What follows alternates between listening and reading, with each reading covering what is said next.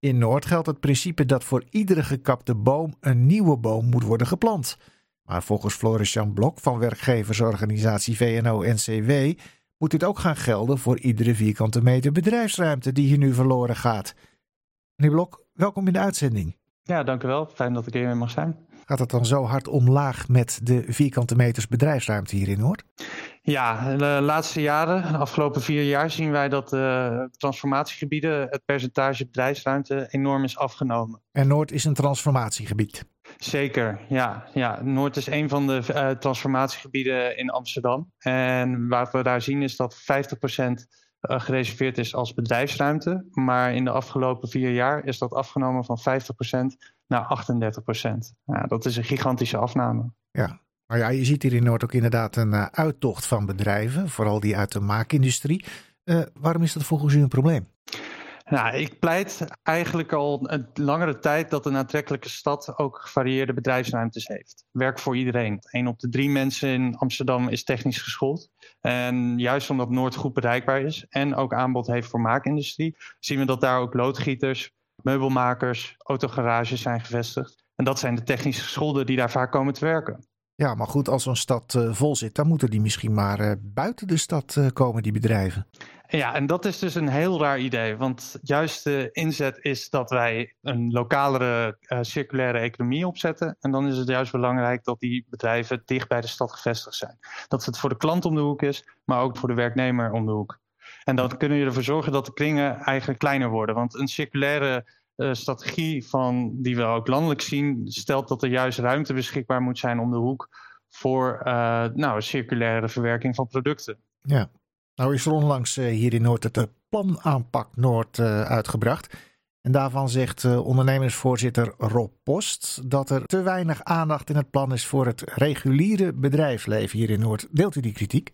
Ja, ik deel die kritiek zeker. Ik denk dat de strategie vooral nog steeds gericht is op wonen. En dat, dat is ook wel de afgelopen jaren de trend vaker. Dat we alleen maar wonen, wonen, wonen.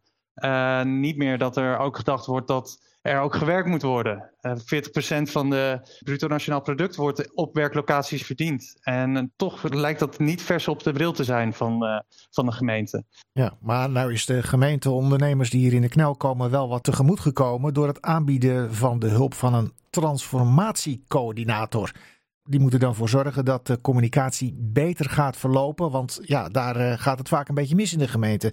Ziet u dat als een oplossing? Ja, een transformatiecoördinator die kan zeker wel helpen met de communicatie. Uh, ondernemers uh, iets tijdiger op de hoogte stellen dat ze weg moeten. Maar nog steeds, als je niet genoeg aanbod levert, dan ga je dus zo'n coördinator met een onmogelijke taak op pad sturen. Ruimte vinden die er niet is voor bedrijven die je dwingt te vertrekken. Ja. Nou uh, heeft de gemeente ook een half miljoen ter beschikking gesteld uh, om een non-profit organisatie op te richten die goedkope bedrijfsruimte moet gaan verhuren. Uh, vindt u dat een goed plan?